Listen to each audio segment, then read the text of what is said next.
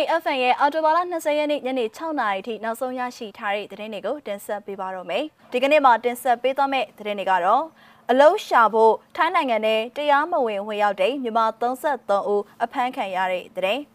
။ညောင်မြို့နယ်တော်လန်ရေးတပ်စခန်းမိရှုခံရမှုကြောင့်ယာယီစခန်းချပြီးနေထိုင်နေရတဲ့သတင်း။မိုးများပြီးမြစ်တာမြေရေရှမ်းလာကြောင့်ကလေးမျိုးကနေအချို့ရေမြုပ်တဲ့သတင်း။ စစ်ကောင်စီတပ်သားတအူကိုကန့်တပ်ဖွဲ့ထံအလင်းဝင်တဲ့တဲ့အစရှိတဲ့သတင်းတွေကိုတင်ဆက်ပေးသွားမှာပါ။ဦးဆုံးသတင်းကတော့အလုံးရှာဖွေဖို့ထိုင်းနိုင်ငံတွေကိုတရားမဝင်ဝင်ရောက်တဲ့မြန်မာ33ဦးအဖမ်းခံရတဲ့သတင်းပါ။အလုံးခိုင်ရှာဖို့အတွက်နေဆက်ဖြတ်ကျော်ကထိုင်းနိုင်ငံတွေကိုတရားမဝင်ဝင်ရောက်ခဲ့တဲ့မြန်မာနိုင်ငံသား33ဦးအဖမ်းဆီးခံခဲ့ရကြောင်းဘန်ကောက်ပို့စ်သတင်းတရက်မှာဖော်ပြထားပါတယ်။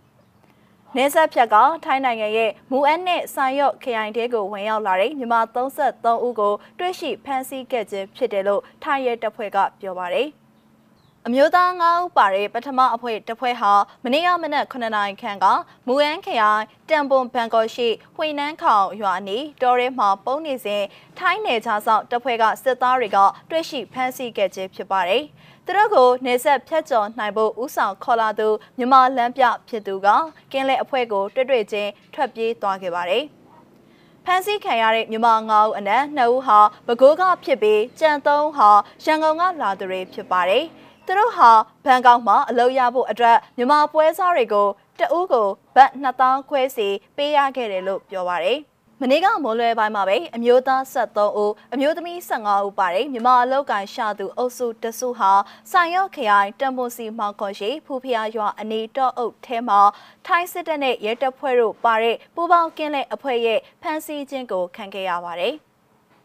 မြန်မာနိုင်ငံပဲခူးရန်ကုန်နဲ့အခြားမြို့တွေမှာလာသူတွေဖြစ်တဲ့အဆိုပါမြန်မာတွေအနက်18ဦးဟာစမုတ်စခွန်တို့၎င်း 9ဦးဟာ Smoke Parakan တို့၎င်းကြံ9ဦးဟာရချာဘူရီရဲ့ဗန်ပောင်ခရိုင်တို့၎င်းအတီးတီဥတီသွားဖို့အတွက်စီစဉ်ခဲ့ချိန်မှာဖမ်းဆီးခံရခြင်းပဲဖြစ်ပါတယ်။သူတို့ဟာတတ်မှတ်နေရာတွေကိုရောက်ပါကအလုရှာပွဲစားတွေကိုတအူးလျင်ဘတ်19000မှ18000ကြားပေးရရန်ရှိနေခဲ့ပါတယ်။ယခုအခါမှာ အဲ့ဒီဖမ်းဆီးခံရတဲ့မြန်မာတွေကိုဥပဒေအရအရေးယူရန်နဲ့မူလနေရပြန်ပို့ဖို့အတွက်မူအန်းနဲ့ဆိုင်ရွက်ရဲဌာနတွေကိုလွှဲအပ်ထားတယ်လို့သိရပါတယ်ရှင်။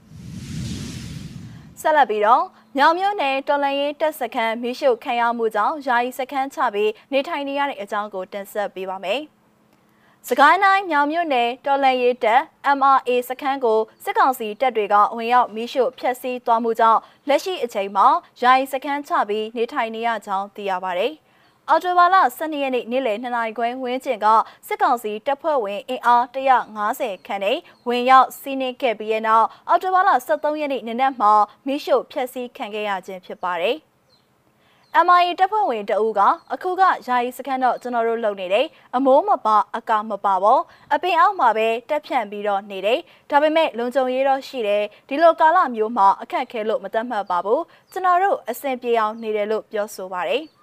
အဲ့ဒီစကန်ဖြက်စီးခံရစဉ်ကစကန်အနီးမှာရှိတဲ့ပြည်သူတွေရဲ့နေအိမ်သုံးလုံးခန့်ကိုလည်းစစ်တပ်ကမီးရှို့ဖျက်ဆီးခဲ့တယ်လို့ MIA စကန်အတွင်းမှာရှိတဲ့ရိတ်ခါတွေကိုလည်းဖျက်ဆီးခံခဲ့ရကြောင်းသိရပါတယ်ရှင်။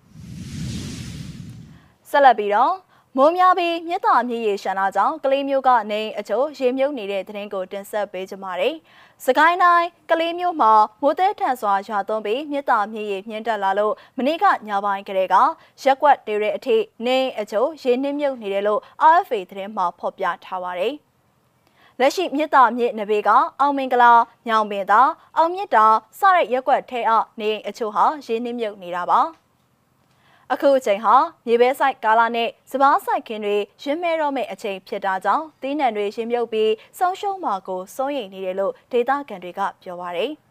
။ရေဝင်ရောက်တဲ့ရက်ွက်တွေမှာရှိတဲ့ကျွဲ၊နွား၊ဝက်နဲ့ကြက်အပါအဝင်တရိတ်ဆန်တွေကိုတော့ဘေးလွတ်ရာကိုရွှေ့ပြောင်းထားရပါတယ်။လူတွေကတော့ပြောင်းရွှေ့ကြတာမရှိသေးဘူးလို့ဒေသခံတွေကဆိုပါတယ်။ မိုးလေဝသနဲ့ဇလဗေဒညွှန်ကြားမှုဦးစီးဌာနရဲ့ထုတ်ပြန်ချက်အရအော်တိုဘာလ20ရက်နေ့ဒီကနေ့မနက်အထိစကိုင်းတိုင်းမှာမိုးကြီးခဲ့ပြီးအော်တိုဘာလ21ရက်နေ့မနက်ဖြန်မှာလည်းနေရာစိတ်စိတ်မိုးဆက်ရွာမယ်လို့ကြေညာထားပါတယ်ရှင်။နောက်ဆုံးအနေနဲ့စစ်ကောင်စီတပ်သားတအူကိုကန့်တပ်ဖွဲ့ထံအလင်းဝင်တဲ့သတင်းကိုပြောချင်ပါတယ်။ စစ်ကောင်စီတပ်နဲ့ကိုကန့် MNDA တပ်ဖွဲ့တွေတိုက်ပွဲပြင်းထန်နေတဲ့မိုးကုန်းဒေသမှာစစ်ကောင်စီဘက်ကတပ်သားတအူလက်ပစ်ဗုံးနှလုံးနဲ့အတူအလင်းဝင်လာကြောင်းကိုကန့်တပ်ဖွဲ့ကထုတ်ပြန်ထားပါတယ်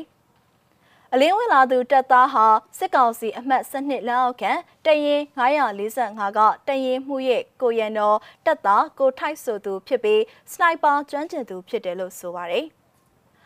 ဆီယနာသိမ်းပြီးတဲ့နောက်အာနာဖီဆိုင်လှုပ်ရှားမှုမှာကိုထိုင်းရဲ့အကိုပါဝင်ခဲ့ပြီးရဲတပ်ဖွဲ့ပြစ်ခတ်မှုကြောင့်အကိုဖြစ်သူတေဆုံးခဲ့ရသလိုစစ်တပ်ထဲမှာတပ်သားနဲ့မိသားစုဝင်တွေတင်းကျပ်စွာထိန်းချုပ်ခံထားရပြီးသူ့အနေနဲ့ဆက်လက်တာဝန်မထမ်းဆောင်လိုတာကြောင့်အခု18ရက်နေ့မနက်ပိုင်းမှာကိုကန့်တပ်ဖွဲ့ထံအလင်းဝင်ရောက်လာတာဖြစ်တယ်လို့ကိုကန့်တပ်ဖွဲ့ကထုတ်ပြန်ထားပါတယ်။လက်ရှိမှာ တပ်သားကိုထိုင်ကိုအဆောင်နှစ်ယောက်နဲ့အတူကျန်းမာရေးစစ်ဆေးပေးတာကိုရိုနာရောဂါကာကွယ်ရေးအတွက်ကွာရတင်းထားထားတယ်လို့ကိုကန့်တပ်ဖွဲ့ကထုတ်ပြန်ထားပါတယ်။တပ်သားကိုထိုင်ရဲ့လက်မောင်းတစ်စိတ်အရာသူဟာကရင်ပြည်နယ်အခြေစိုက်အမှတ်စနစ်စစ်စင်ရေးကုကဲမှုမှာဌာနချုပ်လက်အောက်ခံတပ်ကဖြစ်တာကိုတွေ့ရပါတယ်